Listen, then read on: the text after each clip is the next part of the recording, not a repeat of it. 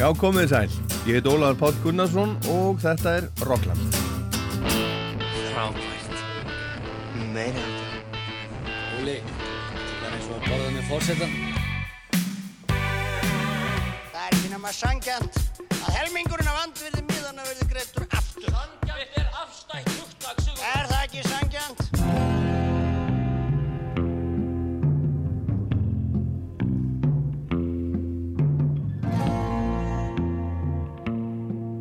Maður dagsins er Cat Stevens eða Yusuf Islam og nýja gamla platan hans T for the Tillerman.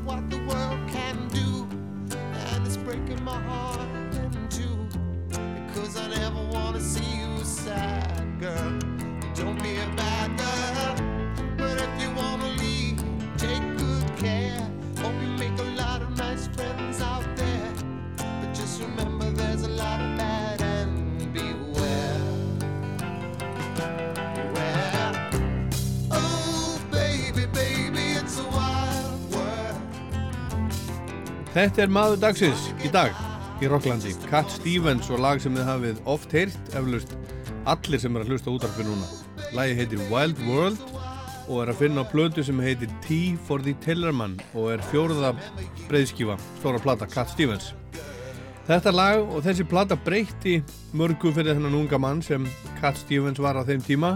Hann var bara 22 ára gammal, platan kom út í november 1970, hann var 22 í júli og hann syngur á plötunni lög eins og þetta og Father and Son og það er alls ekki eins og sá sem syngur sé bara 22 ára gammal stráklingur heldur lífstureindur eldri maður. En það er hann svo sannlega í dag orðið 72 ára og búin að yfka Íslam í 40 ár tók Íslamstrú þrítur átt árum eftir að tífóra til erum að koma út og hætti alfarið að syngja og spila og semja lög, seldi alla gítarina sína og gaf peningana til góðgjæðamála, tók upp nafnið Júsuf Íslam en löngu síðar fannst honum að hann geti látið þetta ganga saman að vera muslimi og syngja og spila. Og gaf út fyrstu plötuna sem Júsuf Jósef árið 2006 og síðast kom plata 2017 og þar notar hann bæði nöfnin framann á plötunni, þar er hann Yusuf Cat Stevens. Og núna þegar Tíforði Tillermann platan er orðin hálfrar aldar gömul þá ákvaða hann að gefa hann út í sérstökum pakka eins og ofti gert en hann let ekki döga að endur hljóðblanda plötuna heldur tók hann hana bara alla upp aftur. Og hann er með sama upptökustjóra með sér og gerði plötuna með honum í gamla daga Paul Samuel Smith sem var bassarleikari hljómsveitarinnar Yardbirds á sínum tíma og gítarleikarin Alan Davies sem var á gamlu plötunni er líka á þeirri nýju, hann er orðin 70 og 8 ára. Og lögin hljóma flest eins eða svipuðu þau gerðu fyrir hálfur öld á gamlu plötunni. Röttin í Stevens Júsuf hefur lítið breyst, hann hljómar á, á sama aldri í rauninni og hann gerði fyrir hálfur öld. Hvað sem það þýðir hvað sem hann hljómaði gamar þá eða ungur í dag en lægið Wild World er allt öðruvísi á nýju útgáðuna plötunni en það var á þeirri komlu og ég sá í viðtali við hann að, að hann hefur verið að, að leika sér og honum hafið þátt þetta bara að koma skemmtileg út, dæmi hver fyrir sig. Now that I've lost everything to you,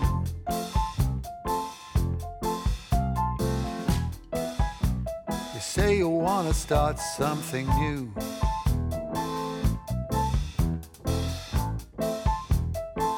And it's breaking my heart you're leaving.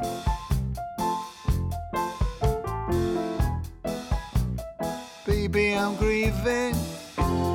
Oh, baby, baby, it's a wild world. It's hard to get by just upon a smile. Oh, oh, baby, baby, it's a wild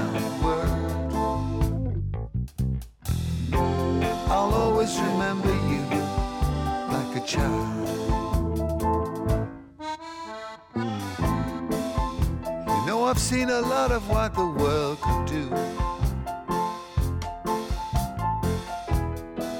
And it's breaking my heart in two.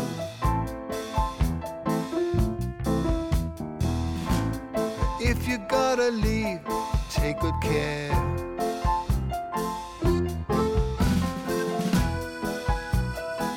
Baby, I love you.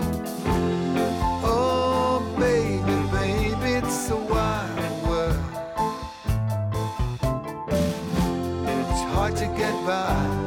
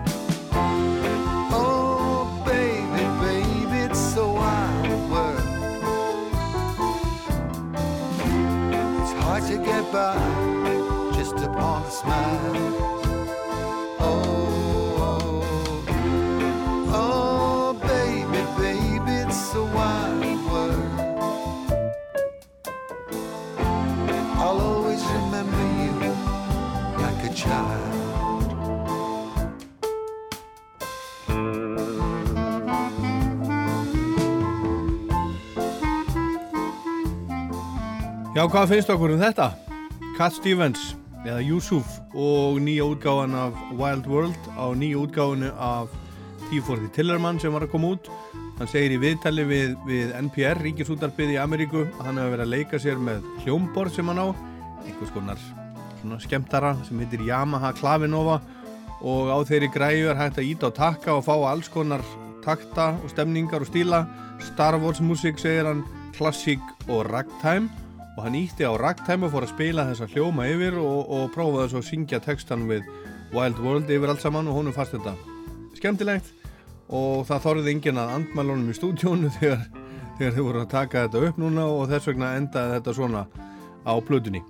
En hvort þetta er gott eða mistök verður tíminn bara að leiða í ljós segir hann og hlær En þetta er ekki allt svona, við skulum heyra næst uppháslag plötunar, Where Do the Children Play, þar sem ungi maðurinn þá, 22 ára gamall, er að velta fyrir sér umhverfismálum og mengun á þeim tíma þegar fáir voru að hugsa á þeim nótum. Og betur við í dag á tímum skóa, eyðingar, plastflóðum allan heim og allsherjar mengunar með teilirandi gróðurhúsa áhrifum og hlínun jarðar. Og hann segir til dæmis í textanum Well you roll on roads over fresh green grass for your lorry loads pumping petrol gas. Where do the children play?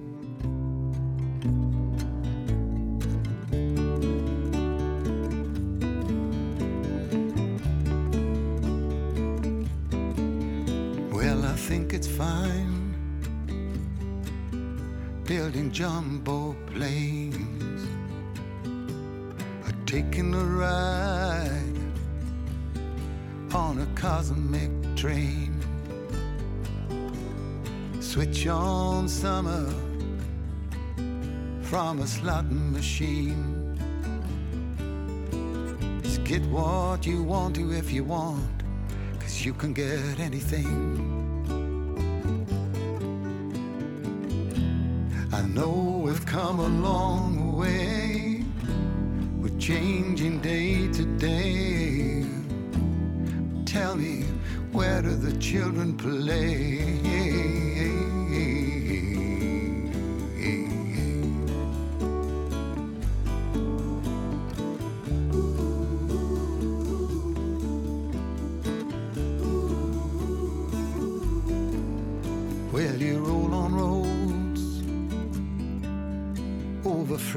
Green grass for your lorry loads, pumping petrol gas, and you make them long and you make them tough,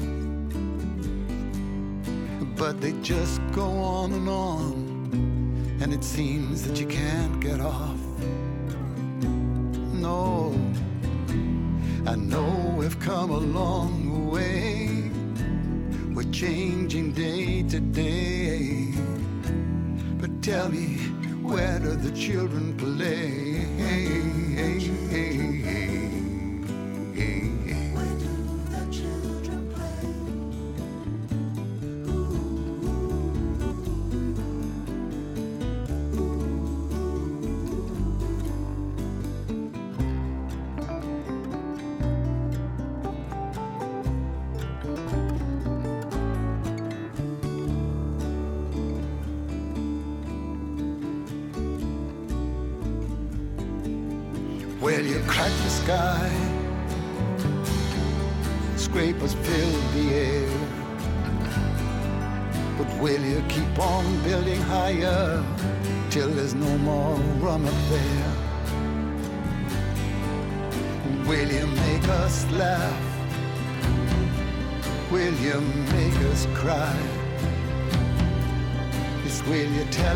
When to live? Will you tell us when to die? I, I know we've come a long way. We're changing day. We're changing day to day. Tell me, where do the children play? Where do the children play af nýju útgáfunni af plötunni 50 ára gömlu með Cat Stevens sem að heitir T for the Tillerman hann var bara 22 ára eins og áður sagði þegar platan kom út á svona tíma og gerði hann að stjörnu um allan heim eitt vinsalasta tónlistamann heims og þetta var fjórða platan hans. Hann, hann með þessa þykku baritónrödd alls geggjaður, fullur af visku einhvern veginn og stórum spurningum um lífið og tilveruna. Umslag plötunar teiknaði sjálfur og fyrir miðju og umslaginu situr skeggjaðu maður sem gæti verið hann sjálfur við dúka borð út í skógi og hann er að drekka te te fyrir stýrimann ég held að tillermann þýði einfallega stýrimaður. Sólinn skín skært á dýrin og börnin í skóginum og stýrimaðurinn brosir. Á nýju útgáðaplötunar er stýrimaðurinn enn að drekka te í skóginum á sama stað við sama dúkaða borðið. Börnin í trénu eru alveg af gömul en nú eru þau með headphone og snjallsíma og sólinn hefur vikið fyrir bróðu sínum tunglinu og stýrimaðurinn er ekki í, í sömu fötunum og áður heldur er hann komin í geimfarabúning I found myself a hard-headed woman. One who will take me for myself. And now I've found that hard-headed woman. I will need nobody else. No, no, I got myself a hard-headed woman one who'll make me do my best. Now I've found my hard-headed woman. Oh, I know the rest of my life will be blessed. Yes, yes, yes. I know a lot of fancy dancers. People who can glide you on the floor. They move so smooth, but have no answer. No, no, no. When you ask what you come here for, I don't know.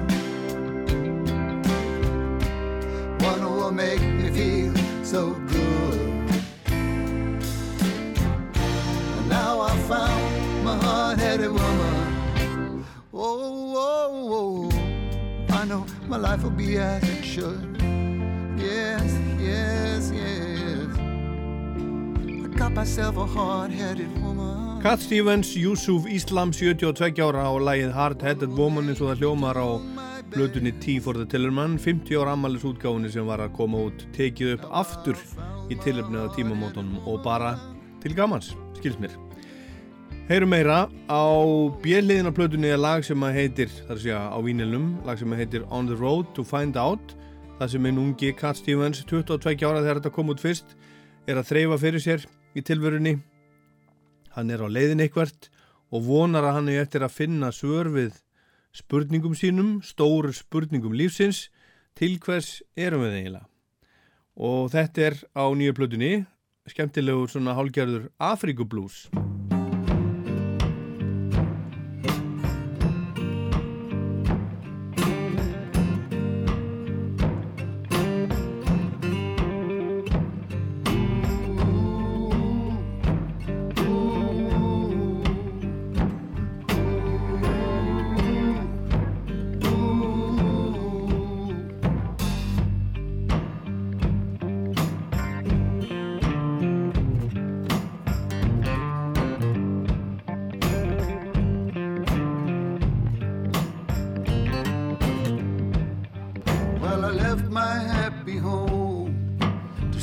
What I could find out.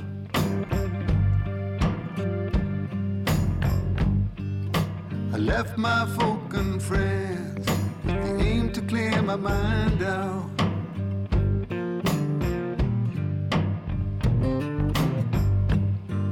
Well, I hit the rowdy road, and many kinds I met there.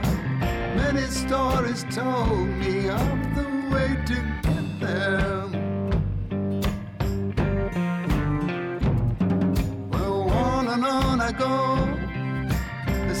Tick the time. So much left to know, and I'm on the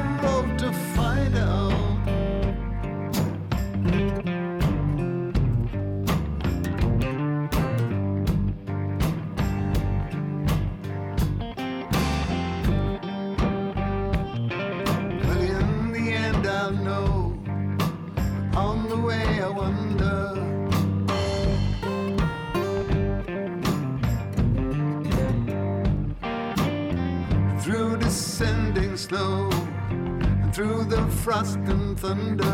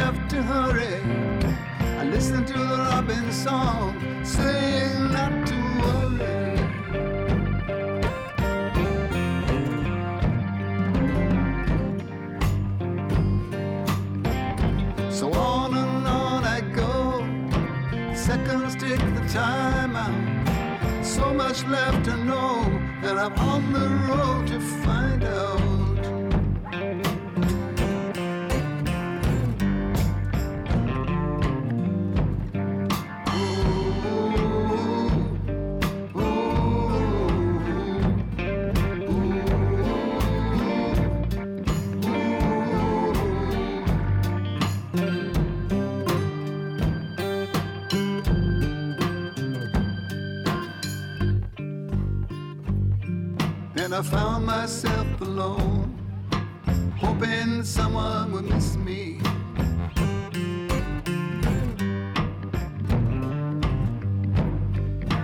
Thinking about my home and the last woman to kiss me. Yes, the answers lies within So why not take a look now, kick out the devil's sin, pick up, pick up a good book now. On the road to find out, Yusuf, Cat Stevens á nýju blöðunni, nýju útgáðunni af T for the Tillerman. Og að taka upp bókinu góðu þá var það sem að Cat Stevens gerði nokkrum árum eftir að þetta kom út á svona tíma. Hann tók upp góðu bókina, fór að lesa kóraninn og fann sjálfan sig þar, kastaði öllu frá sér, velgengninni, tónlistarferlinum, nafninu sínu, gíturunum, öllu, tók sér nafnið Yusuf Íslam og tók upp nýja lífsætti. Og Yusuf eða Cat Stevens segir okkur sjálfur hérna á eftir hvað var þess valdandi að hann breyti svona gerðsálega um kurs fyrir rúmum 40 áru síðan, hætti músikinni og ég ætla líka hérna í dag í Rocklandi að renna yfir, yfir fyrirlinans. Stephen Dimitri Giorgio fættist í Norður London 21. júli 1948. Hann var þriðja bad foreldra sinna, pappin Stavros Giorgio, grískur, fættur árið 1900 og mamman Ingrid Wickman, sænsk, 15 árum yngri en Stavros. Fjölskyldan bjó yfir Moulin Rouge veitingahúsinu sem foreldrarnir ráku í norður enda Shaftesbury Avenue í göngufæri frá Piccadilly Circus í Soho í London. Öll familjan vann á veitingahúsinu, öll börnin um leiðu þau gáttu eitthvað hjálpa til.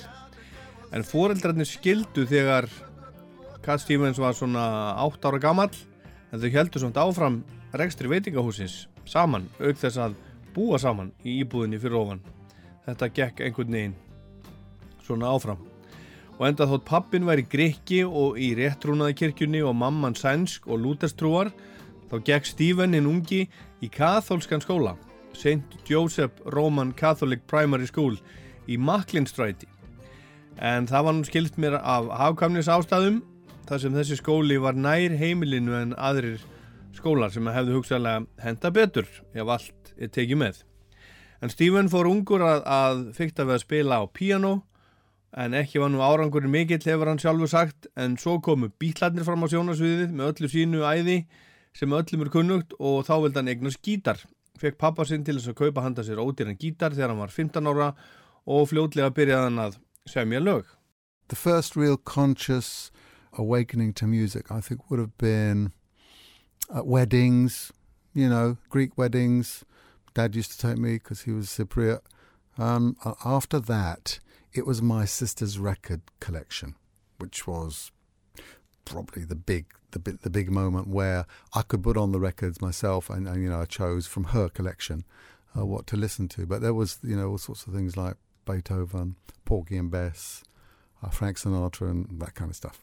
Fyrstu kynni hins unga Stephen af tónlist var í grískum brúðkaupum en svo var það plötusab eldri sýstur hans og þar var allt mögulegt að finna Beethoven og, og, og Ella Fitzgerald og Louis Armstrong og Frank Sinatra og svo framvegis og hann ætlaði sér ekki að verða tónlistamæður þegar hann var strákur, frekar listmálari en hann hlustaði mikið á músík meðan hann var að teikna og mála þegar hann var strákur No, music was uh, to me was uh, it was a background thing that kind of lit up the moment. I was painting a lot of the time. I, I, I wanted to be a painter, an artist. And while I was painting, I used to love to have music going on all the time because it would just light up my imagination. I could go lots of different places and, and then paint them, you know, uh, the way that I wanted. So um, I use it as a background, as, as, as a soundtrack in a way to my, to my illustrations. First song I wrote, I kind of want to forget really. It's, it's the worst song in the world. it always is, you know, and it was a one finger thing. We had a piano in the house actually, so it was like one finger thing, and it was called Darling No. Okay, but the next song really was quite good. And interestingly, um, the song had the word peace in it, in it, so it was called Mighty Peace. Yeah, that was the second song. Já, fyrsta lægið sem, sem Stephen hinn ungi samdi var ræðilegt, segir hann, samið á piano, spilað með einum putta, Darling No, en annar lægið sem hann samdi var nokkuð gott, segir hann, heitir Mighty Peace og svo komu fleiri lög og svo enn fleiri og það var auðveldara og auðveldara að spila á gítarin. It kind of started with my first guitar, so then, you know, it like, took a long time to learn chords, you know, and it was hurting a lot. And then learning other people's songs was another task, so I didn't even bother to do that. I put the guitar down and I picked it up again, and all of a sudden it became easy. I don't know why. And then uh, again, instead of listening or, or learning other people's songs, I just found it easier and, and kind of quicker to write my own. And I could hear what I wanted. You know, that's the whole point about songwriting is you can do what you want and write what you want. And that's what I did.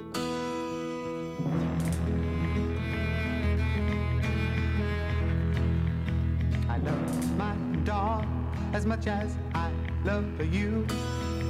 You may fade, my dog will always come through.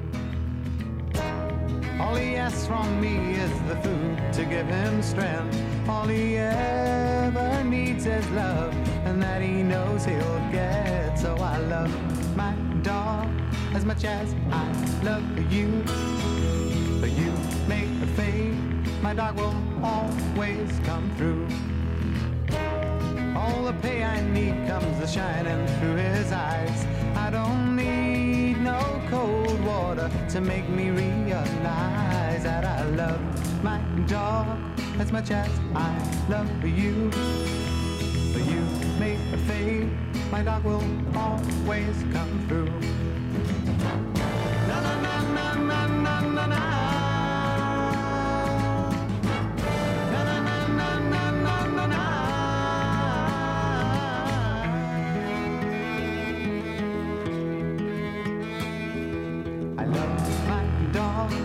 much as I love you.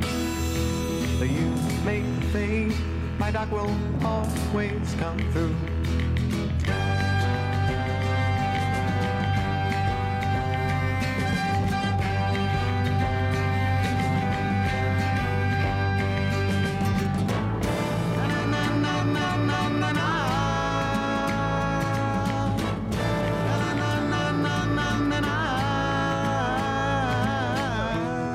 Þetta er fyrsta lægið sem að Cat Stevens sendi frá sér, heitir I Love My Dog, náðu 28. sæti breskan vinsættaristans í oktober 1966 og uh, fyrsta stóra platan hans kom svo út árið setna og náði inn á, inn á top 10 og hann uh, var þarna túraði mýmsum á þessum tíma spilaði með Jimi Hendrix til dæmis og Engilbert Humperdinck þó þessi langt þeirra á milli þá einhvern veginn passaði hann með þeim báðum og hann saði hérna undan læginu að honum hafi þótt auðveldar að búa til sín eigin lög en að læra lög annara og ef maður býr til sín eigin lög þá getur maður gert hvað sem maður vill, spila hvernig sem maður vill og sungið um það sem maður vill. Hennum unga Stíven gekk ekkert allt og vel í skólanum þegar hann var strákur, hann var oft til vandraða nema í fögum sem tengdust einhvers konar listsköpun. Hann teiknaði og málaði og spilaði á hljófari. Hann fekk engöngu í Hammersmith School of Art, var þar í ár og var að spá í að leggja myndlist fyrir, sig og síðar átt hann eftir að, að teikna mörg blödu umslaga sinna en tónlistin heitlaði meir og meir og 17 ára gamall árið 1965 tók hann upp sviðisnafnið Steve Adams, Cat Stevens var ekki alveg komin. Helstu áhrifavaldar voru aðal söngvaskáld þess tíma, Bob Dylan, Nina Simone, Paul Simon, Beatladnir og sérilegi Lennon og svo gamlir blúsarar eins og Led Belly og Muddy Waters. En á sama tíma var hann mikill aðdáandi söngleikja tónskálda á borð við Ira Gershwin og Leonard Bernstein. Þetta sama ár, 1965, gerði hann útgáðsamning við Ardmore og Beachwood og tók upp fyrstu demóin sín og þar á meðal var lag sem enn lifir góðu lífi og átti eftir að verða mjög vinsalt og heitir The First Cut is the Deepest. I would have given you all of my heart, but there's someone who's torn it apart, and she's taken almost all that I've got. But if you want, I'll try to love again. Baby, I'll try to love again, but I know.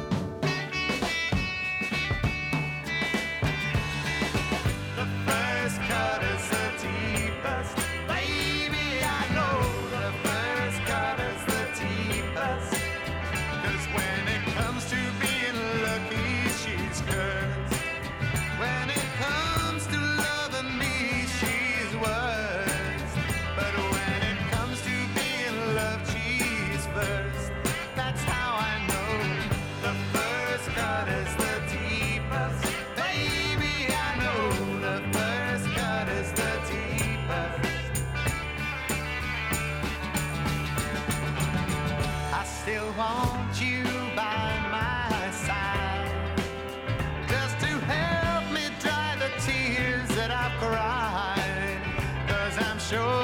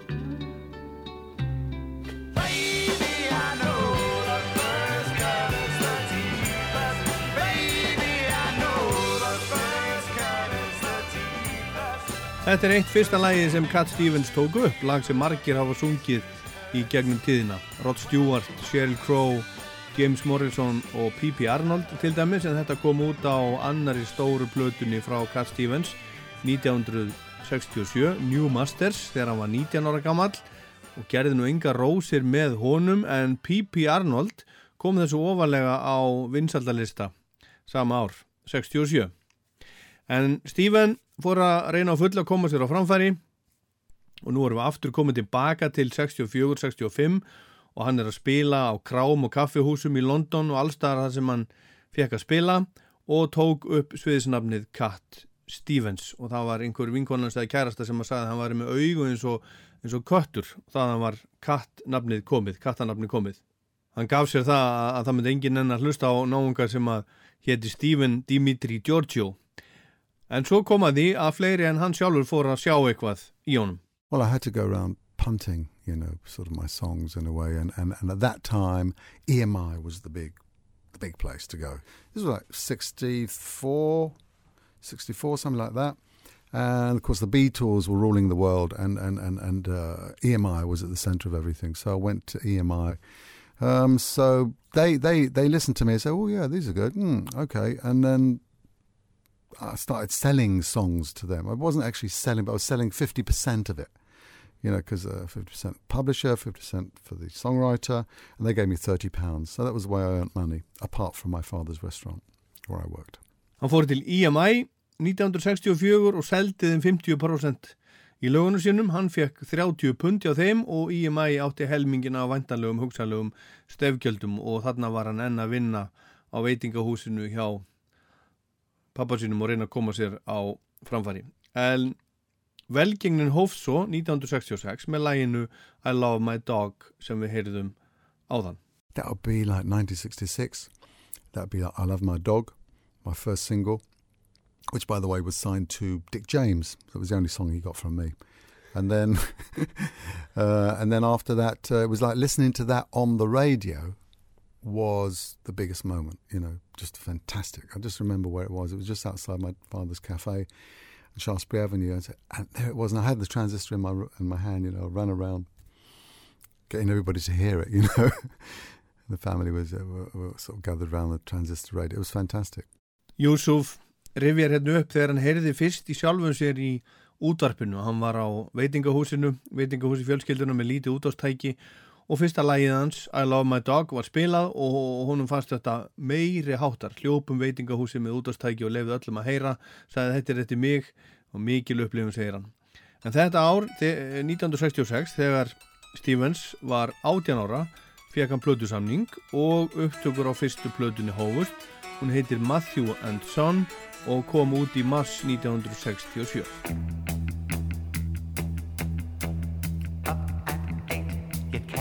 Late for Matthew and son. He won't wait. Watch them run down the platform one and the 8:30 train to Matthew and Son. Matthew and Son, the work's never done. There's always something new. The files in your head, you take them to bed, you're never ever through. Been working all day, all day, all day.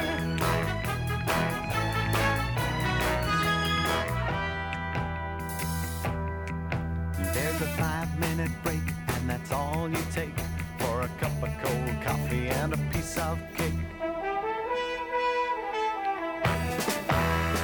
Matthew and Son, the work's never done, there's always something new. Your head, you take them to bed, you're never ever. And they've been working all day, all day, all day.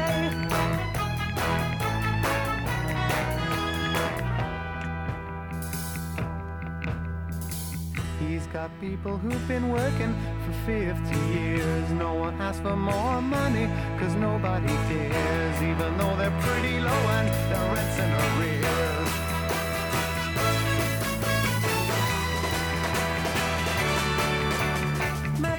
Son.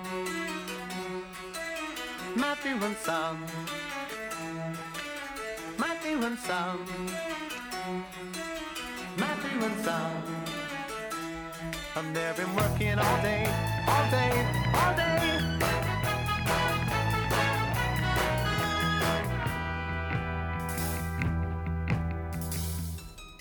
Þetta er skemmtilegt, þetta er titilag fyrstu Cat Stevens plötunar, Matthew and Son og þetta lag fór alla leið í annað sæti breska vinsættaristast 1967 það er mikið 1967 í þessu. Gaman að geta þess að þarna spila John Paul Jones á bassa. Sá sem að ári síðar var orðin stjarnar með Led Zeppelin. En á þessum tíma einn eftirsótasti session bassarleikarinn í London og Nicky Hopkins, pianistinn sem passaði ekki útlitslega í Rolling Stones en spilaði samt með þeim í áratugi, hann spilar þarna á hljómborð og piano. Á næstu tveimur árum túraði Cat Stevens út um, út um allt með öllum helstu stjórnum breyta, allt frá Jimi Hendrix til Engilbert Humperdinck eins og áður sæði. Nafnans var brátt á allra vörum en hann fór ekki vel með sig og í ársbyrjun 68 þegar hann var 19 ára gammal munaði litlu að hann kvetti þetta líf. I had TB, so I had this thing kind of uh, building up, and I was working so much. I was doing clubs, social clubs, and and, and, and you know gigs, and, and, and, and radio, and PR, and everything. I just wasn't eating. I was smoking, and not looking after myself. And you know, we went to the doctors. They said, he said, "Oh, it's a cold," you know, but it wasn't a cold. It was actually TB. And um, then it got to the point where I started sp- spitting blood, you know, and, and then, whoa, that's it. And then I got it checked properly. And they, they, they uh, rushed me to hospital. It was like Harley Street Hospital. And that's like where I found myself. And um, I thought everybody was, was, was not telling me the truth, that I was actually dying, you know. And that was a big turning point. Já, lífið var allt í einu breytt hjá þessum unga manni. Það var brjálað að gera, það var, það var spilað mikið og hann kom fram í útarpinu og svo þurfti að láta sjá sig á klúbunum á kvöldin og skemta sér og hann hugsaði ekki vel um sig. Hann reykti mikið og fekk á þessum tíma berkla. Þegar hann fór fyrst á sjúkrásið vegna þess að hann var lasinn, sögðu leknandir að hann væri bara með einhverja flensu, en svo fór hann að spýta blóði og þá kom í ljós að hann var með berkla og í lífshættu. Og smátt og smátt eftir þessa lífsreynslu og lífshættu fór Stevens að hugsa meira um andlega hluti, fór að þreyfa fyrir sér og lesa hitt og þetta. It didn't affect it immediately, obviously, but um, but it grew to be, if you like, the, the ignition for my uh, for my new journey. You know, my, my new journey towards finding out a bit more before I leave this planet, and uh, you know, and and trying to get a few answers from spiritual books. I mean, at that time, you had like a lot of the Maharishi thing, you know, like Eastern transcendental meditation going on, and you had Hendrix, you know. Um, I'd toured with Hendrix, so I knew exactly what that was all about, and but I didn't know exactly where where I was going to go next, and I I, I- felt I needed a an insurance policy, sort of spiritual insurance policy, and I I didn't know where to get it, so I had to read, and I started reading, and that's that started informing my songs. Then you get songs like, you know, The Wind and On the Road to Find Out, Peace Train, you know, dreaming about the beautiful oneness of, of life, which it, which it could be, you know. Now I've been happy lately, thinking about the good things to come. And I believe it could be something good has begun. Oh, I've been smiling lately, dreaming about the world as one. And I believe it could be someday it's going to come. Cause out on the edge of darkness, there rides a peace train. Oh, peace train, take this country. Come take me home again. Now I've been smiling lately, thinking about the good things to come. And I believe it could be something good has begun. Peace train sounding louder. Ride on the peace train. Ooh, ooh. Come on, the peace train. It's peace train, holy roller. Everyone jump on the peace train. Come on, the peace train. Get your bags together. Go bring your good friends too.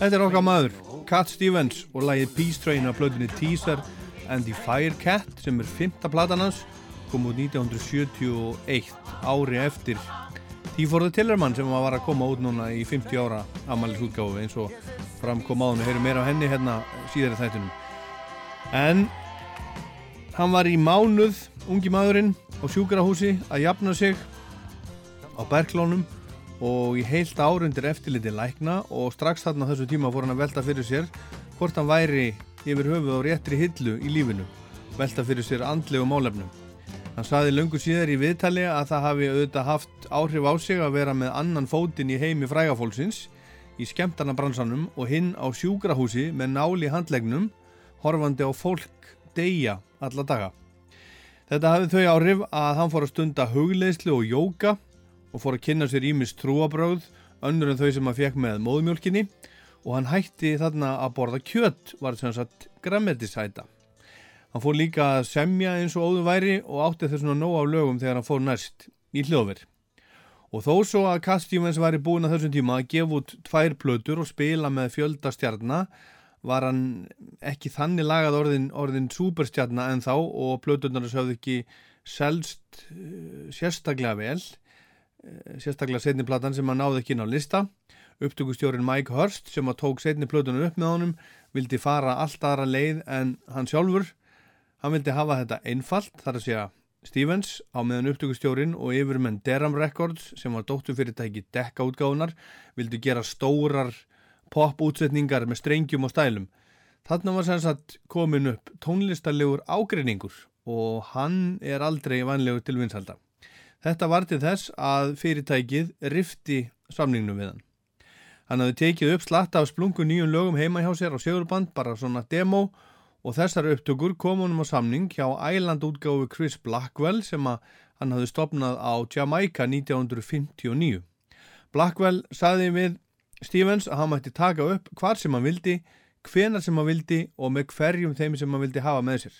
Og hann fekk Paul Samuel Smith sem þá var nýlega hættur sem bassarleikari Yardbirds til þess að hjálpa sér.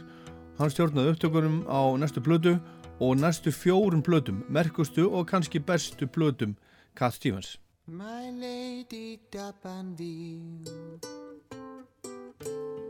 why do you sleep so still? I'll wake you tomorrow,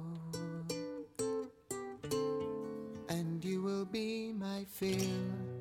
Yes, you will be my fill. My lady Dabanville. Why does it grieve me so? But your heart seems so silent. Why do you breathe so low? Why do you breathe so low? My lady Dabanbi. Sleep so still? I'll wake you tomorrow and you will be my fill. Yes, you will be my fill.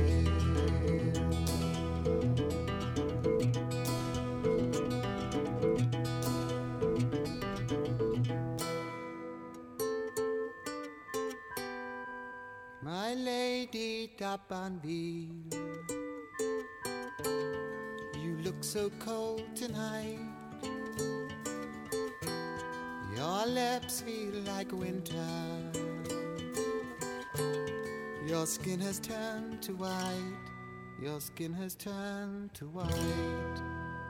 My lady Dabanville. Why do you sleep so still? I'll wake you tomorrow. You will be my fill. Yes, you will be my fill. La la la la la la. La la la la la la. La la la la la la. La la la la la la. La la la la la la.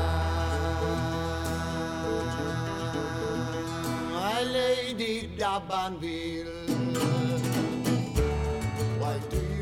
Þetta er fyrsta lagið af þriðju plötunans Cat Stevens, Mona Bone Jacon sem kom út 1. april 1970 og er fyrsta platanan sem kom út undir merkjum Island Records og er afræstur Cat Stevens og Paul Samuel Smith. Þessi plata kom þessum unga breyta á kortið í Ameríku líka en þarna hvað við nýjan tón en áður meira fólk og minna skraut og strengir. Þessi einföldu melodísku lög fengu betur að njóta sín en á fyrstu plötunum tveimur. Það er annar líkilmaður með Stevens aðna, annar en upptökustjórin, Paul Samuel Smith, sem átti eftir að fylgja um alla leið þar til hann lagði gítarinn á hilluna 1977. En það er gítarleikarin Alun Davies sem nota benni er líka með Yusuf á plötunum tveimur sem hann gaf úr 2006 og 2009 eftir að koma aftur og hann er líka á nýju tíforði Tillerman plötunni, komum betur á því á eftir. En þetta lag, Lady Darbanville, samti Stevens um þáverendi unnustu sína Patti Darbanville sem hann kynntist í New York hún var í genginu sem hjekki kringum Andy Warhol á þessum tíma leikona á mótel og hann saknaði hennar. Og samtið þetta lag og ég held að lagið Wild World sé líka samið til hennar. Ef Mona Bone Jacon kom Cass Stevens á kortið í Ameríku og víðar þá sló hann enn betur í gegn með næstu plötu plötu dagsins T for the Tellerman sem kom út sama ár 1970 í lok november. It's not time to make a change. Just relax, take it easy. You're still young, that's your fault. There's so much you have to know. Find a girl, settle down. If you want, you can marry. Look at me. I am old, but I'm happy. I was once like you are now, and I know that it's not easy to be calm when you found something going on. But take your time, think a lot. Why think of everything you've got? For you will still be here tomorrow, but your dreams may not.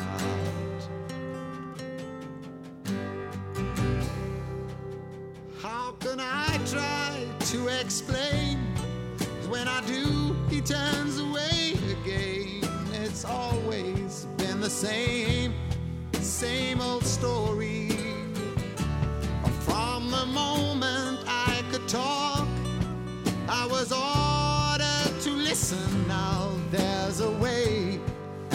know that I have to go away. I know I have to go.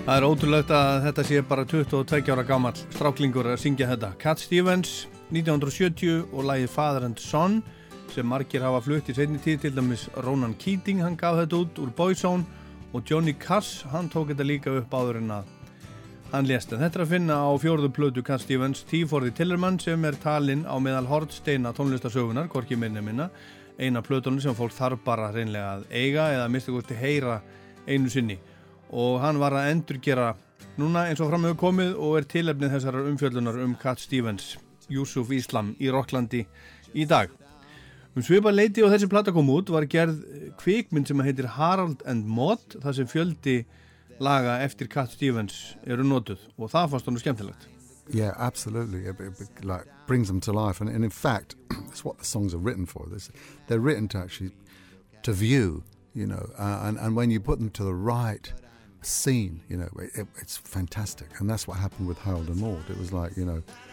the director Hal, Ashby just fell in love with my early records, Mona Bone Jacken and Tifa Tillerman, and then um, you know started just watching all the rushes using my music, and it just got stuck. Um, and it was so beautiful. And so when it works, it really does work. But then again, it's part of the the nature of my songs to sort of create images and and, and uh, scenarios. Well, if you want to sing out, sing out. And if you want to be free, be free. Cause there's a million things to be. You know that there are. Við höldum áfram með Cat Stevens, Yusuf Islam hérna rétt á And eftir if you want to live high, live high. And if you want to live low, live low. Cause there's a million ways to go. You know that there are. You can do what you want. The opportunity's on.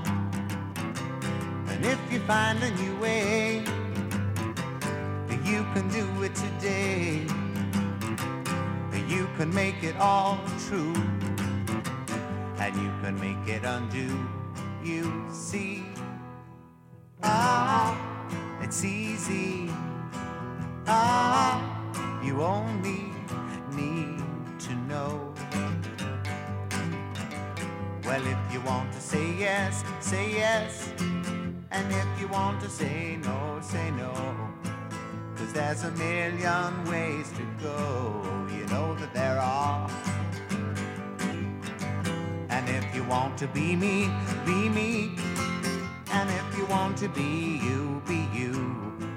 Cause there's a million things to do.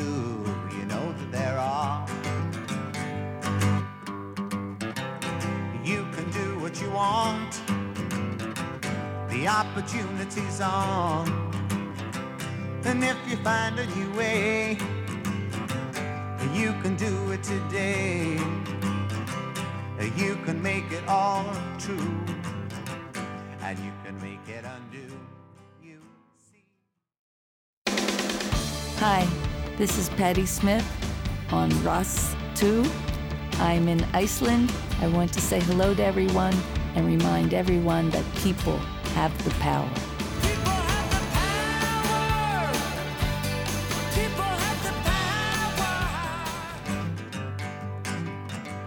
Well, if you want to say yes, say yes. And if you want to say no, say no. Cause there's a million ways to go, you know that there are. And if you want to be me, be me. And if you want to be you, be you. Cause there's a million things to do, you know that there are. You can do what you want, the opportunity's on. And if you find a new way, you can do it today. You can make it all true, and you can make it undo. You see. Þetta er okkar maður, maður dagsins, Cat Stevens og lagið If You Want To Sing Out, Sing Out úr kveikmyndinni Harold and Maude frá 1971. Þarna var Stevens heldur betur komin á beinubrutina og næsta plata kom út þetta sama ár, 1. september 71, Teaser and the Firecat, 5. platan hans. Þar eru smellir eins og Moon Shadow, Peace Train og svo þetta hérna, Morning Has Broken.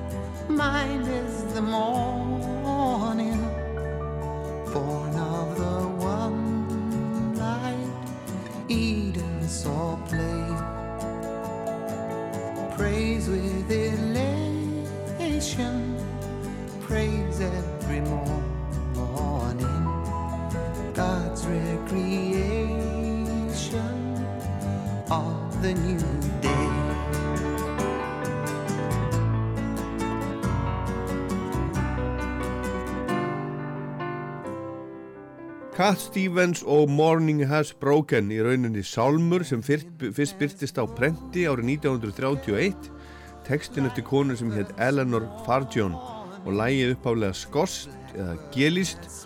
Og þetta var gríðarvinsall náðu til dæmi sjötta sæti bandaríska vinsallalistans og er að finna á plötunni frá 71 Teaser and the Firecat. Listamæðurinn sjálfur teiknaði umsla plötunar eins og hann gerði á T4 Tillerman líka og Mone Bone Jacon og um svipaleiti kom út samnemd barnabók sem hann minnskritti það er að segja Teaser and the Firecat. Plata náði öðru sæti vinsættalistans í bandarækjánum og toppsætinu í Ástralíu til dæmis.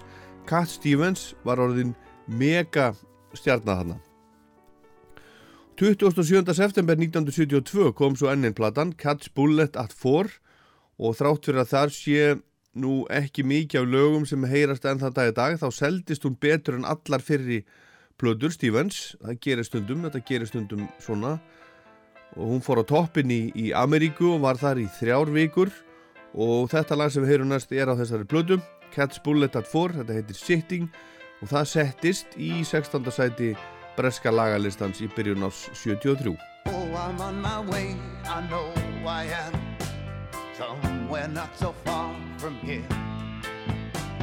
All I know is all I feel right now. I feel the power growing in my hair. Sitting on my own, not by myself. Everybody's here with me. I don't need to touch your face to know. I don't need to use my eyes to see. I keep on wondering if I sleep too long. Will I always wake up the same or so? Keep on wondering if I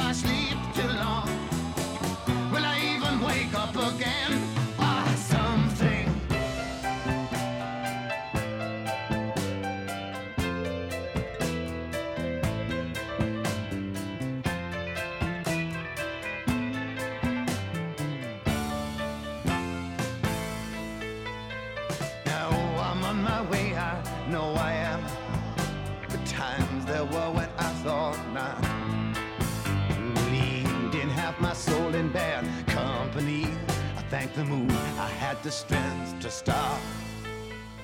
No, I'm not making love to anyone's wishes, only for that glide I see.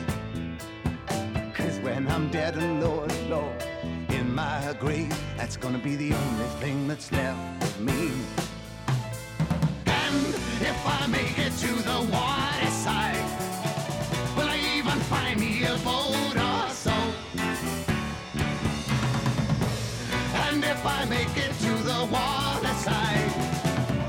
sure to write you a note or something. Yo, I'm on my way, I know I am. Somewhere not so far from here. All I know is all I feel right now. I feel the power growing in my hair. Oh, life is like a maze of doors and they all Það hvað enn við nýjan tón á næstu plötu Cat Stevens, Forerunner sem kom út í júli 73. Þar stjórnaði Stevens upptökum sjálfur í fyrsta sinn en hann var á þessum tíma ansi upptekinn af, af svartri tónlist, var heitlaður af Stevie Wonder og R&B músík, svona rétt fyrir disco. Og það markverðasta við þessa plötu í sögulegum skilningi í dag er að fyrri hliðin er eitt samfeld verk, Forerunner Suite og lok þessa átján mínútna vers þykir minna talsvert á Coldplay lægið Viva la Vida og það mikið að minnstu munaði að Coldplay lendi í vesenni vegna þess fyrir áratug.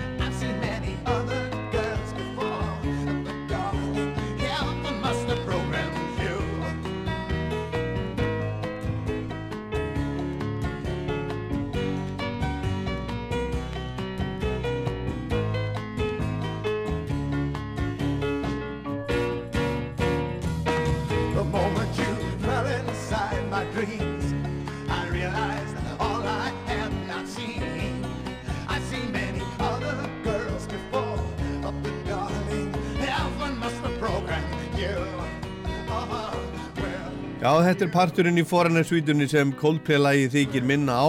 Það var sonur Júsús Stevens sem benti pappa sinum á þetta þegar lægið slói gegn á sínu tíma fyrir áratug, kom heim með daginn og sagði, hei pappi, heyrðu þetta, er þetta ekki svolítið líkt Forerunner Suite?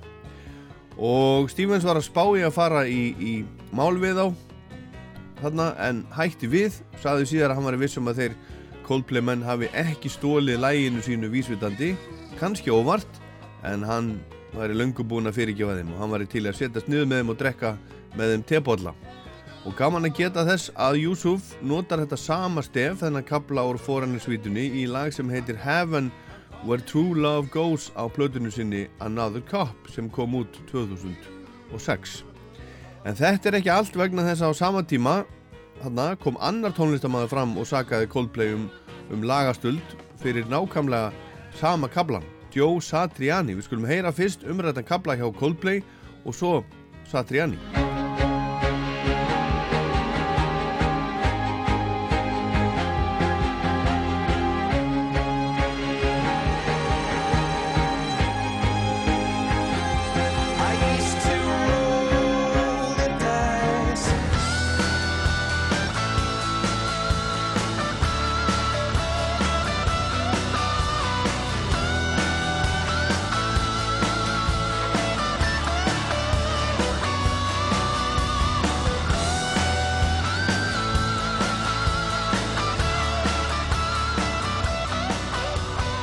Já, svona hljómar þetta lag Joe Satriani sem heitir If I Could Fly og hann flög á brott með stefnuna Gagvar Coldplay og þeir komast að einhvers konar samkominlegi utan réttarsala. Coldplay og Satriani og ég held að þeir hafi nú ekki verið að stela kvorki frá honum nýja Cat Stevens. Þetta er bara, þetta er bara svolítið líkt. Svona, svona bara gerist þetta þegar menn búa til lög.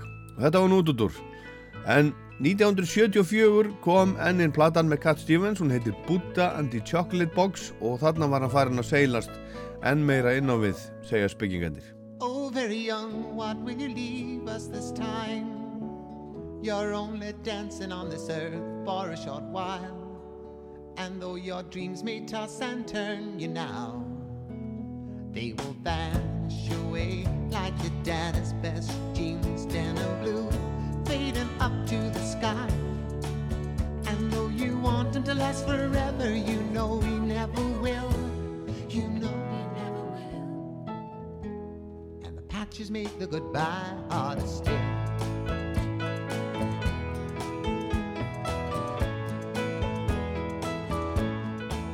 Oh, very young, what will you leave us this time? There'll never be a better chance to change your mind.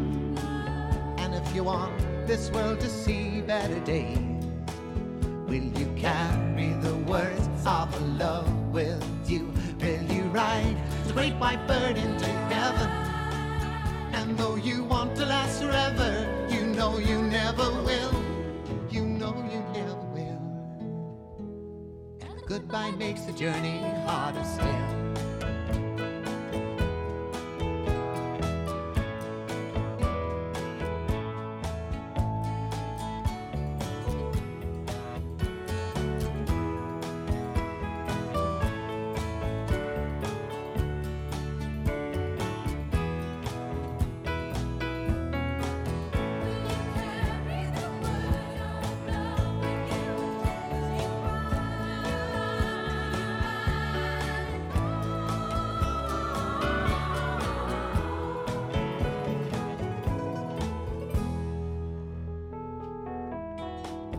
Eftir þessa plötu sem þetta lag er að finna á Oh Very Young, Buddha and the Chocolate Box komu þrjár plötur með Cat Stevens út til viðbótar. Numbers 1975, Is It So 77 og svo Back to Earth 1978. En þá hafði hann þegar tekið Íslamstrú. Platan er samt gefin út undir nafnunu Cat Stevens. Hann var í fríi í Marrakesh einhvern tíman upp á 1970 þegar hann heyrði bænakall muslima og honum fannst þetta eitthvað, eitthvað heitlandi og hann fekk þá útskýringu að þetta væri músík fyrir Guð. Það hafði hann aldrei heyrt áður, hann hafði heyrt músík sem var búin til fyrir peninga, músík til að verða frægur og, og, og voldugur, en músík fyrir Guð, það hafði hann ekki heyrt áður, sagðan. I didn't really hear about Islam. I heard about Muslims, and, and you know, we always had a rather dark impression of, of this religion, you know, because my father was Greek Cypriot, so you know the Turks were obviously, you know, on the other side. I didn't want to look over there, and um, and so that was so the first time I actually saw the word Islam in a way was when I first received the gift from my brother, which was the Quran, and then I actually started to learn about the religion itself rather than the kind of racial connotations and the sort of nationalistic and, and antagonistic uh, view that a lot of the Western, you know, public has through the media because of whatever history has you know gone by. But the religion itself wasn't wasn't known at all to me until I read the Quran. Cat Stevens eða, eða Yusuf hafði lítið sem ekkert heyrt um Íslams trú þegar bróðir hans gaf honum eintak af Kóranunum, Helgiritt Múhammed trúamanna. En hann hafði auðvitað heyrt um, um, um uh, muslima og svo ímynd sem sá flokku manna hafði í huga hans var byggð á kynþáttafordómum og því sem hann hafði úr föðurhúsum, pappans, Grikki og nákarannanir í Tyrklandi ekki hátskrifaðir en bróðir hans sem sagt gaf honum eintak af kóranunum eftir að hann kom heim úr ferðalegi til Jérúsalem og hann fór að lesa og kynna sér trúna sjálfa og þarna fann hann það sem hann hafi verið að leita að, hann fann indri frið. Árið 1975 druknaði okkar maður næstu því í, í Malibu í Kaliforníu.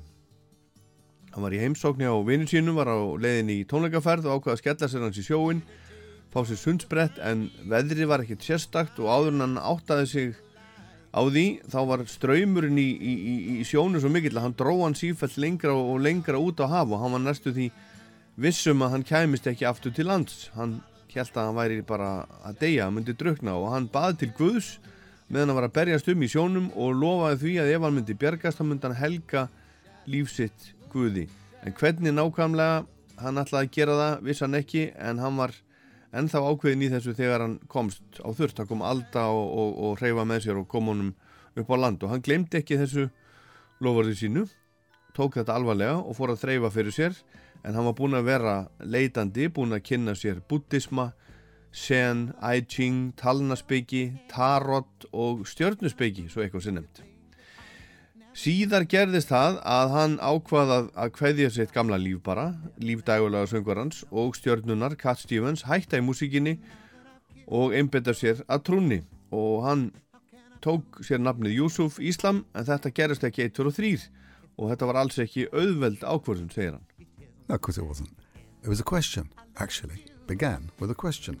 you know, is it okay or not? You know, I asked the Imam, and the Imam in the central mosque, he said it's okay.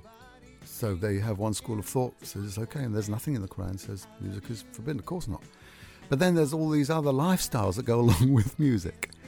And that's really where I started weighing up. I said, I can't do this. I can't continue doing that kind of trial while I'm walking this path. And this path was to be was really what I was looking for anyway. It was like, you know, on the road to find out. So, hey, guess what? I found out. So now what am I going to do?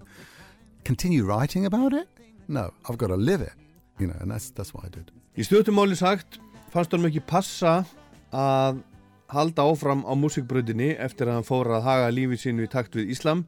Ímaminn í Moskunni í London sagði að það var ekkert í kóraninum sem bannaði mönnum að, að fást við músik en hafandi verið í bransanum í rúman áratug þá fannst honum að þetta bara ekki ganga upp. Lífstíl tónlistamannsins og Íslam passaði ekki saman fannst honum. Og í mars 1978 í miðri heimsókn á vegum UNICEF til Bangladesh sem þá var í stríðsárum tróð Stevens okkar maður upp á samt félagið sínum gítarleikarinn Alan Davis á lítilli bæjarháttíð í Rangamati og nokkur dögum síðar í sveitaþorpinu Rangpur og þaðan fóruð þeir til Thailands og svo til Egyptalands og allstaðar kom hann við í Moskum og, og út úr þessu fekk hann geysilega mikið, hefur hann sagt. Cat Stevens tók formlega upp Íslamstrú 23. desember 1977 og nýtt nafn Yusuf Íslam 4. júli 78 en Yusuf er, er sama nafn og, og, og Jósef sagan af, af Jósef í Kóraninum hafði lengi tala til hans, uppáhald sonur Jakobs sem afbríði samu bræður koma í þrældóm til Egiptalands en þar verður hann svo hægri hönd Farós og leiðir á endanum þjóð Ísraels úr ánöðinni til Gósenlandsins, fyrirheitanlandsins og Júsuf hefur sagt að hann hefði halbartinn litið á sig sem svona hálgerðan þræl í tónlistar heiminum, þetta séu hafi verið hálgert þræls líf þar sem að menn ráði ekki miklu um, um uh, það sjálfur hvað þeir, hvað þeir gera og þessi orð hans kristallast kannski í því að hann skuldaði útgáðu fyrirtækinu sínu eina plötu þegar þessi persónlegu pólskiptið áttu sér stað og hann að gerðan og það er þess að platan Back to Earth sem kom út 3. desember 1978 og á þessum tíma var Cass Stevens einn skærasta popstjörna heims tónlistin hans var, var aðgengileg hún var spilið útarpi út um allan heim eins og reyndar en þetta í dag. Plötunar hans seldust vel.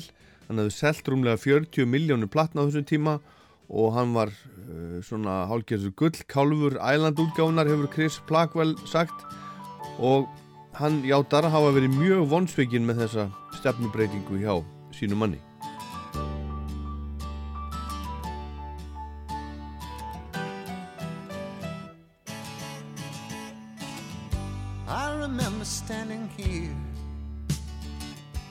right on this very same side. I was dying, but for you, it was just another night. You once rocked me in your world. You bought me my first shoes. I was just another lonely child. Oh, and you were much amused.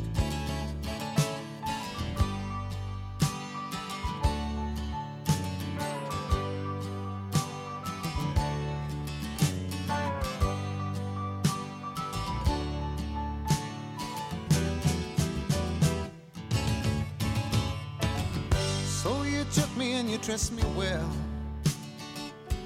All for your friends to see.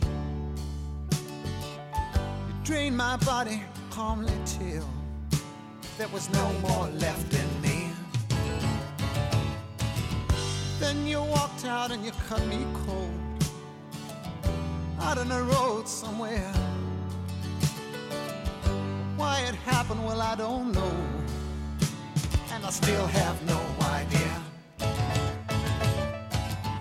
Everybody needs a friend. Sometimes you need a little help. And who knows, maybe one day you'll seek mine. Only time will tell. You once held me in your arms. You made me feel so right. I was flying, but for you, it was just another night.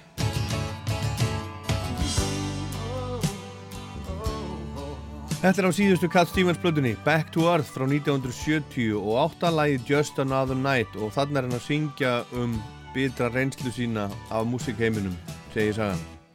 Þetta var tekin upp í november 78 og þannig er gamli mannskapurinn með honum aftur, Paul Samuel Smith stjórnaði upptökum á blöðunni sem að þótti minna á það besta frá honum eða það sem frá honum hefur komið. Og Alun Davis, gítarleikarin hans hægri hönd alla tíð. Hún var tekin upp á ymsum stöðum þessi plata, hún var tekin upp í London, New York, Quebec í Kanada og, og í Kaupmannhöfn í Sweet Silence hljóðverinu í Köpenhán hann fylgdi henn ekki eftir á neitt nátt enda, enda seldist hún ekki nærið eins vel og, og fyrir flutur hans og þarna var hann búinn að taka upp nafnið Yusuf Islam 9. janúar 1979 var hann viðstattur tónleika sem, sem UNICEF, barnahjálp saminuð þjóðuna stóð fyrir í höfustöðum saminuð þjóðuna í New York og hann var þarna stattur sem sendiherra UNICEF hann vildi ekki spila eða syngja en var kynntur á svið sem, sem Yusuf Islam og kom og saði nokkur orð Tónleikarnir voru myndaðir fyrir NBC sjómastöðina og þegar þeir voru síndir daginn eftir var búið að klippa hans atriði út. En þarna voru ymsir frægir sem að komu fram til dæmis Bee Gees, Rod Stewart og ABBA. Og í síðasta skipti sem Cat Stevens kom fram ofinberlega áður en hann saði skilið við tónlistarlífið var á Wembley leikvagnum í London á fjárarbluna tónleikum fyrir UNICEF 22. november 79 á ári Barsins Þannig komur líka fram Wishbone Ass, hljómsveitin Sky og Gary Newman. Og þarna byrtist hann með stutt hár, snirtila kliftur og mikið allskegg í anda trúbræðara sinna.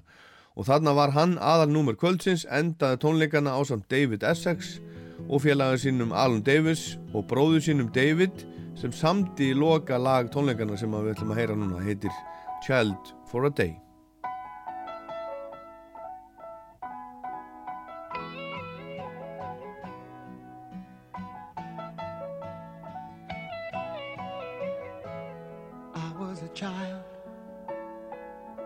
Ran full of laughter.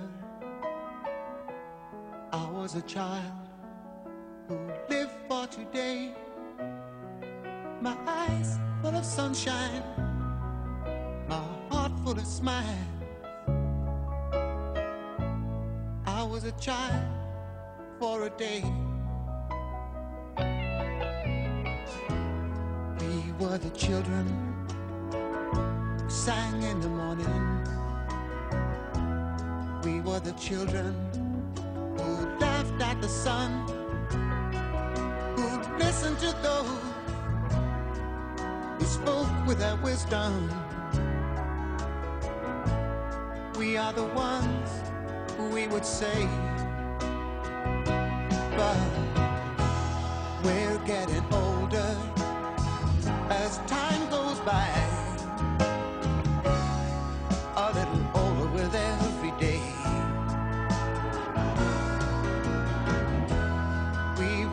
children, yeah, today.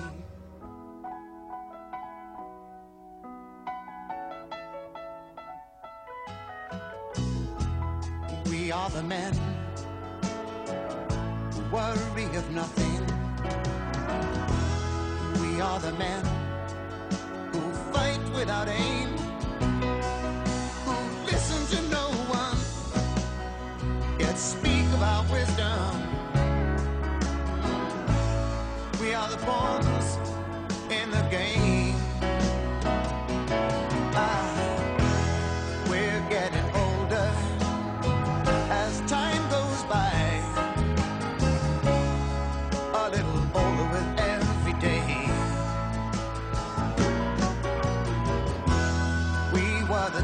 children.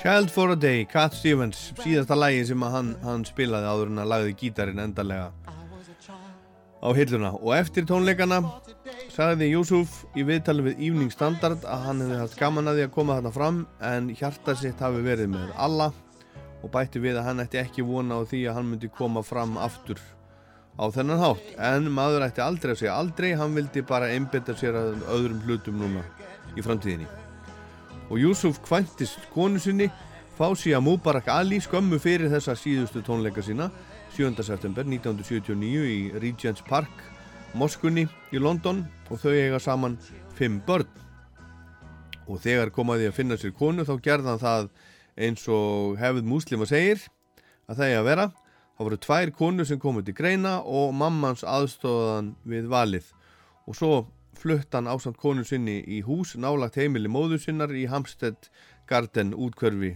í London. Og þetta voru skrítni tímar fyrir okkar mann. Hann valdi þessa brauð til að geta einbett sér að því að láta gott af sér leiða, lifa góðu og andlegu lífi, en fjölmiðlar og fólk keftist við að mála honum skrítnar myndir og gera hann tortryggilegan. Hún var bannað að koma til bandarækjana og sumir fjölmiðlar í Breitlandi vildu að hann erði bara hreinlega rekin úr landi. Yeah, I mean, it's sort of kind of proved the old proverb, you know, not to believe your own publicity. And I think that was a key, key thing because otherwise, if I'd have learnt about Islam through the papers, you know, or through the press, other than the way I did learn about Islam, which was by reading the actual books themselves, you know, the sources, then I would have been frightened, you know, about me or who I was. And guess what? I know who I am, and that's probably one of the biggest journeys a person can take in his life is to is to is to find out who they are and what their purpose is. You know, but when people start distorting that and you start reading, it, and then people start having an attitude towards you that is other than you, you it's pretty difficult to deal with. But you know, so there, therefore, incredibly, that's what led me round to singing again because, in a way, through my songs, I can tell people who I am. You know, without having to talk about it. Eitt af því vittlösasta sem maður gerir er að trúa því sem fjölmiðla segja um hann, segir Júsuf. Og ef maður ætlar að komast að sannleikanum þar maður að kynna sér málinn sjálfur. Það er ekki nóg að lesa bara dagblöðin og halda þannig sem maður með allt á hreinu. En þar sem hann var með sjálfan sér nokkurn veginn á hreinu og hvert hann vildi stefna þá fekk það ekki svo mikið á hann allt þetta ítla umtal sem hann fekk um sig þarna í upphafi ferðarsinnar með Íslam og svo segir hann að það hafi rauninni verið ránkugmyndir fólks um hann og Íslam sem hafi í rauninni orðið til þess að hann fór aftur að syngja og spila og gefa út blöður. Það sé frábær leið til þess að koma skilabóðum á framfæri að gera það með tónlist og syngjum það í stað þess að tala um það.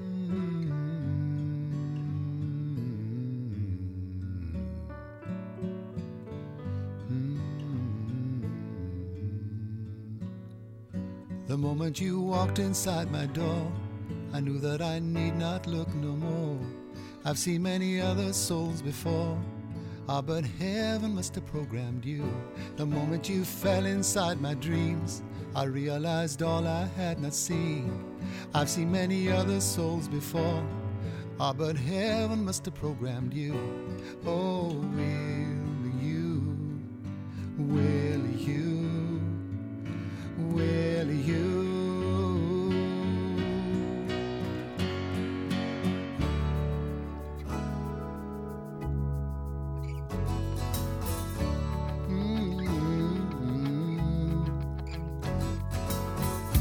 Go where true love goes. I go where true love goes. I go where true love goes. I go where true love goes. And If you walk alone and if you lose your way, don't forget the one who gave you this today. Follow true love, follow true love. Follow true love, follow true love.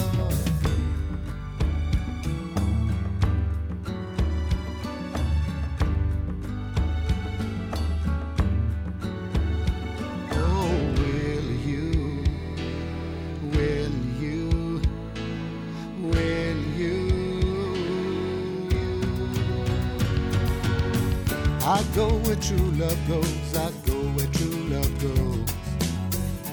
go where true love goes, I go where true love goes. And if a storm should come, and if you face a wave, that may be the chance for you to be saved. And if you make it through the trouble and the pain, that may be the time for you to know his name.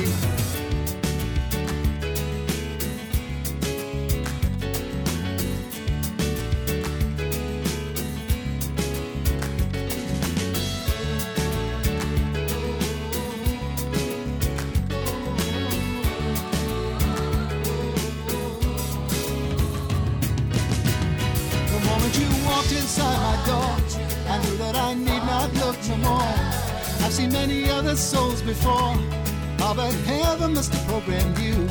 The moment you fell inside my dreams, I realized all I had not seen. I've seen many other souls before, oh, but heaven must have programmed you.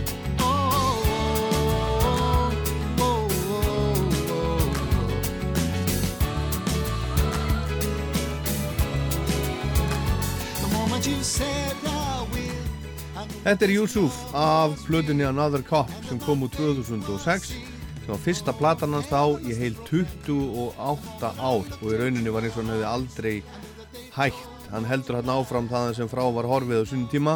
Hann er að syngja um ástina og það góða í lífinu að fólk hefur verið gott við hvert annað og sína kærleika umfram allt. Og það er það sem hann er búinn að vera að gera meðan hann var ekki í músíkinni. Hann var búinn að vera að sinna allskins góðgerðarmálum og láta gott af sér leiða, let mikið af tekjum sem hann fekk inn fyrir stefgjöld og plötusölu renna til góðgerðarmála. Og hann var mikið á, á ferðalögum um heiminn að reyna að miðla málum. Hann var mikið í fyrrum Júgoslavíu meðan stríðið var í gangi þar var að reyna að bera klæði á vopnin þar. Og svo lenda líka stundum í eldlinunni vegna þess að hann er frægur múslimi í hinnum vestran heimi. Hann lendi í vandraðum þegar bók Salmans Rösti kom út á svona tíma, söng var Satans þá var hann einhvern veginn gerður að talsmanni múslima í Breitlandi en margir múslimar vísuður um heiminn vildu og vilja en Salman Rösti döiðan og var það ekki æjatollan í, í Íran sem að dæmdan hreinlega til döiða og okkar maður þurfti svolítið að svara fyrir þetta allt saman en í raun hefur hann alltaf verið sami maðurinn, alltaf að láta gott að sér leiða og reyna að gera heiminn örlíti betri. En platan Another Cop gerði það gott þegar hún kom út, náði hún á top 20 í Breitlandi og náði líkin á vinsaldalista víða um heim, gerði aðri betur eftir 20 ár í burtu og undir nýju nafni, Yusuf Islam, platan fikk góða dóma og Guardian í Breitlandi talaði til dæmis um hana sem 44 mínútur af óvæntri gleði. En nú skulum við heyra hvernig það gerðist að hann tók upp gítarin á nýja leik og byrjaði að syngja og semja. It was like lying down on a settee in Dubai, and it was my son's guitar, and he kind of picked it up, and he got into songwriting and, and music, you know, and um, and there it was in one morning, you know, one one dawn, and uh, I picked it up, and that was the first time, you know, that I'd ever played the guitar for about know, twenty years or so. You know, the, the amazing thing was it was like a spring well, you know, you just kind of opened it, and there it was, and you could take as much as you wanted. It was amazing. I mean, I, difficult to stop, difficult to put it down. you know, that was that was the thing. But then um, I started writing. You know, new songs started coming to me. I said, well, you know, this this kind of seems like I've got to do this now. Yusuf hafði ekki snert gítar í 20 ár þegar hann morgun einn í Dubai greip í gítar svona síns sem var byrjað að spila og semja eitthvað sjálfur og það var eins og hann hefði fundið bara óvænta uh, uppsprettu, lögin komu til hans bara hvert á fætur öðru og hann fann að hann, hann þyrti að koma þessu frá sér fyrir en síðar þetta var það sem hún var ætlað að gera í lífinu en, en fyrsta lægi sem að samti eftir þessi 20 ári er ekki enn komið út Oh, interesting. That was one which I haven't released yet, but it's called Dream of Joseph. And it's sort of like, it's kind of like my story. But I've, I haven't released it yet. I just, it's a personal song to me, which, um, which got me going. Lægið heitir Dream of Joseph, Draumur Jósefs Personlegt lag segir hann eiginlega um hans sjálfan og, og hans líf og ferðalag En hann leta ekki duga að, að semja lög og gefa þau út eftir þetta langa hlið úr sviðsljósinu heldur fór hann líka að spila ofinbellega aftur. The first real proper show that I did was like uh, the BBC cafe sessions or in session or we called it Yusuf's Cafe. But anyway, um, that was amazing because most of it it was like just coming home again and um, but of course having about 250 people in your living room watching you and um, it was great. It was fantastic, and that was a lift to tell me that you know what I'm doing the right thing, uh, and, and and and this is building bridges and, and fixing and mending the road. You know, um, well, I, I, didn't ever think I would be um, coming back to do, you know, shows or you know to, to sing live again, but because of the the reception and, and the way in which I've been received and the way that people love to hear live music. I mean, because it is live in the end. Whereas the CD and the sort of record market is dying, you know, the shows are living. And, and that's great because it's, it's what music's about. Fyrstu tónleikandi sem Júsuf spilaði á eftir hlýðið langa voru tónleikar sem BBC stóð fyrir, kaffi, sessions, eins konar svona stórir kaffihúsa tónleikar, 250 áhrafundur og hann félst á að vera með og fann strax þá að þetta væri í lægi, hún er fast frábært að spila fyrir fólkið og hann fann sig strax í þessu sem hann hétt lengi að hann myndi aldrei gera aftur. Og mér langar að taka það fram að þetta viðtal við Júsuf sem við erum að vera að hlusta á er orðið 10 ára gammalt en hann talaði þarna um til dæmis að geisladiskunum var að deyja og framtíðin lægi í live spilamennsku, tónleikum og það er auðvitað alveg hárið hjá honum og hann fór að spila á tónleikum, hann sá, sá DFD tónleika með Leonard Cohen og heitlaðist og hugsaði sem svo ef Leonard Cohen getur spilað á, á stórum stöðum eins og O2 Arena í London og náð til fólksins í salnum, þá get ég það líka. There was a whole lot of offers, you know, people coming with sort of waving invisible sort of checks in front of me saying 30 million, you know, if you want to do the... I wasn't interested in that. I wasn't interested in money, but I knew that I wanted to kind of do something that would get me a little bit closer, I think, to my audience and rather than being you know, just on a CD or whatever. And then, and then uh, finally, I think it was, I met somebody from AEG. His name is Rob Hallett, and he'd just done Leonard Cohen. I said, well, Leonard Cohen, the O2, go, how does that work? And then, so I saw the DVD. I didn't see him actually live, but I saw the DVD. I said, wow, you know, you can manage to strike up a personal relationship with the audience, even you know, in the O2. I said, well, if it's possible for him, it's possible for me. In the blackness of the night, I seem to wander endlessly with a hope burning out deep inside. I'm a fugitive, community has driven me out for this bad, bad world. I'm beginning to doubt. I'm alone and there is no one by my side. In the blackness of the night, I see a shadow passing by from the heels of an old soldier boy. There's no compromising, and his eyes are black as the sky. For this bad, bad world, he is going to die. He's alone, and there is no one by his side. In the blackness of the night, I see the sparkle of a star from the sweet silver tear of a child. And she's clutching at a photograph of long, long ago when her parents were happy. She was too young to know.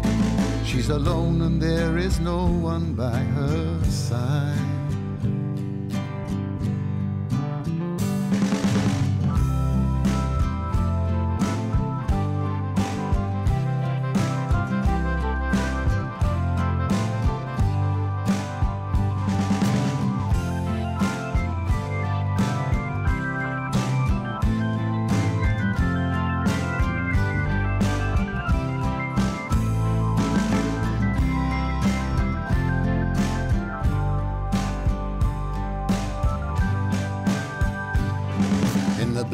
Blackness of the night, I seem to wander endlessly with a hope burning out deep inside. I'm a fugitive, community has driven me out of this bad, bad world. I'm beginning to doubt. I'm alone and there is no one by my side.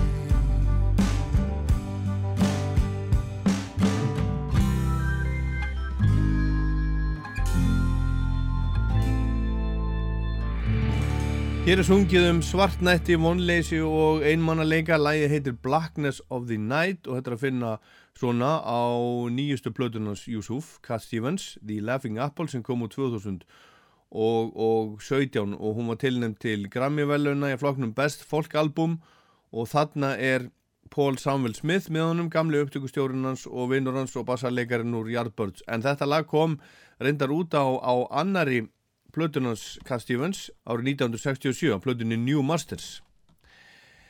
En þessi nýjasta plata náði 2003. sæti breskalistans þegar hún kom út 2017 en á milli e, þessara plötu og fyrstu endur komu plötunar komu tvær Roadsinger kom 2009 náði tíunda sæti breskalistans og 2014 kom plata sem heitir Tell 'em I'm Gone og Rick Rubin gerði hana með honum hún náði 20. öðru sæti í Breitlandi og 24. á Billboard í Ameríku Yusuf hefur oft talað um það þegar hann uh, byrjaði að, að lesa kórunin á sínu tíma þá hafa hann fundið tengingu við söguna af þrælnum Jósef sem er keiptur og seldur á markanum og, og honum fannst hann vera í þeim spórum í músikbransanum, ófrjáls, keiptur og seldur hingað og þongað.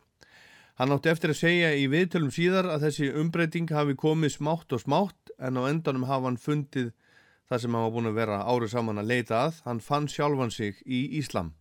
Þetta hafi ekki átt að koma neinum á, á óvart sem hafi hlustað vel á lögin hans, lögin svo Peace Train og lægið On the Road to Find Out sem við heyrðum á hann af T4 Tillerman.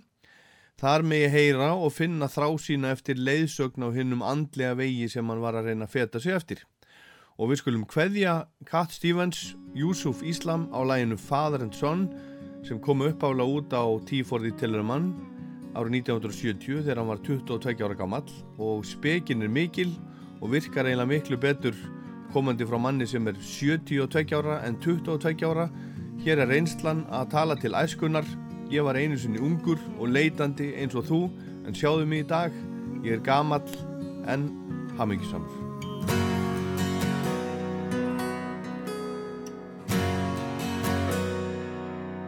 It's not time to make a change. Just relax, take it easy. You're still young, that's your fault. There's so much you have to know. Find a girl, settle down. If you want, you can marry. Look at me. I am old, but I'm happy. I was once like you are now, and I know that it's not easy to be calm when you found something going on. But take your time, think a lot, think of everything you've got, for you will still be here tomorrow, but your dreams may not.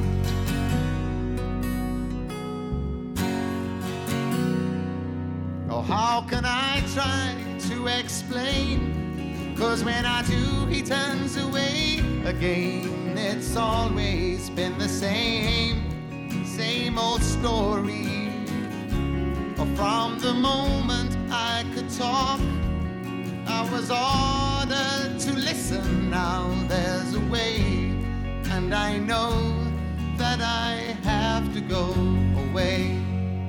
I know I have to go.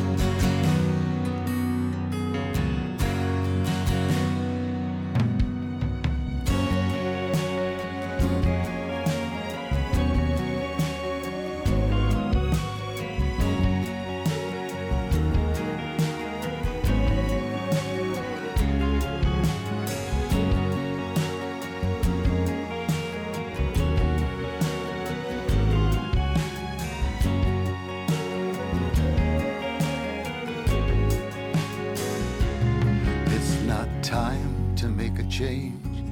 Just sit down, take it slowly. You're still young, that's your fault. There's so much you have to go through. Find a girl, settle down. If you want, you can marry. Look at me. I am old, but I'm happy. know all the times that I've cried, keeping all the things I knew inside. It's hard, but it's harder to ignore it. If they were right, I'd agree, but it's them they know, not me. Now there's a way, and I know that I have to go away. I know I have to go. Uh, hello, this is Richard Hawley, and you're listening to Rouse Tour Rockland with Oliver. Strax er fætur fór að bera mig á flótta forðast sjálfan sig í kvölina hjælt ég gunnið að skást en mér skorti getuna til að gefa ást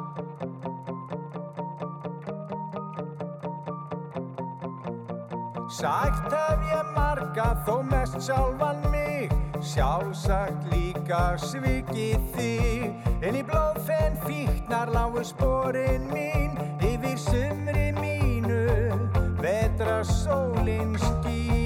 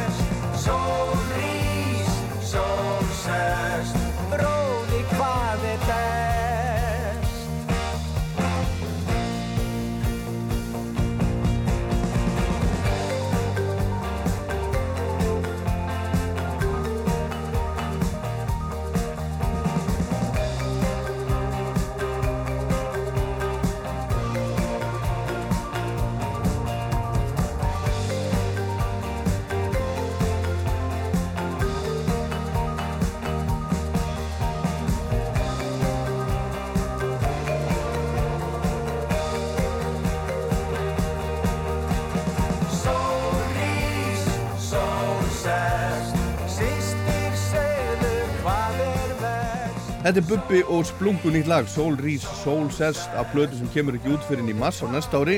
En Bubbi er búinn að taka upp skemmtilegt lag. Á eflust eftir að heyrast meira hérna á rásinni á næstunni. Skemmtilegt hvernig hann vitnar í, í Under My Thumb með Rolling Stones með svona litlu marimbu sólói. Og uh, loka lag þáttarins í dag það er með, með, með Bubba þeirra bandrækjamanna Bruce Springsteen hann sendi fyrir helgi frá sér nýtt lag á vendalegri plötu með E Street bandinu Letter to You sem kemur út 23. oktober. Lægi heitir Ghosts og Brúsi segir að það fjalli um gleðina og fegurðina sem það er að vera í hljómsveit.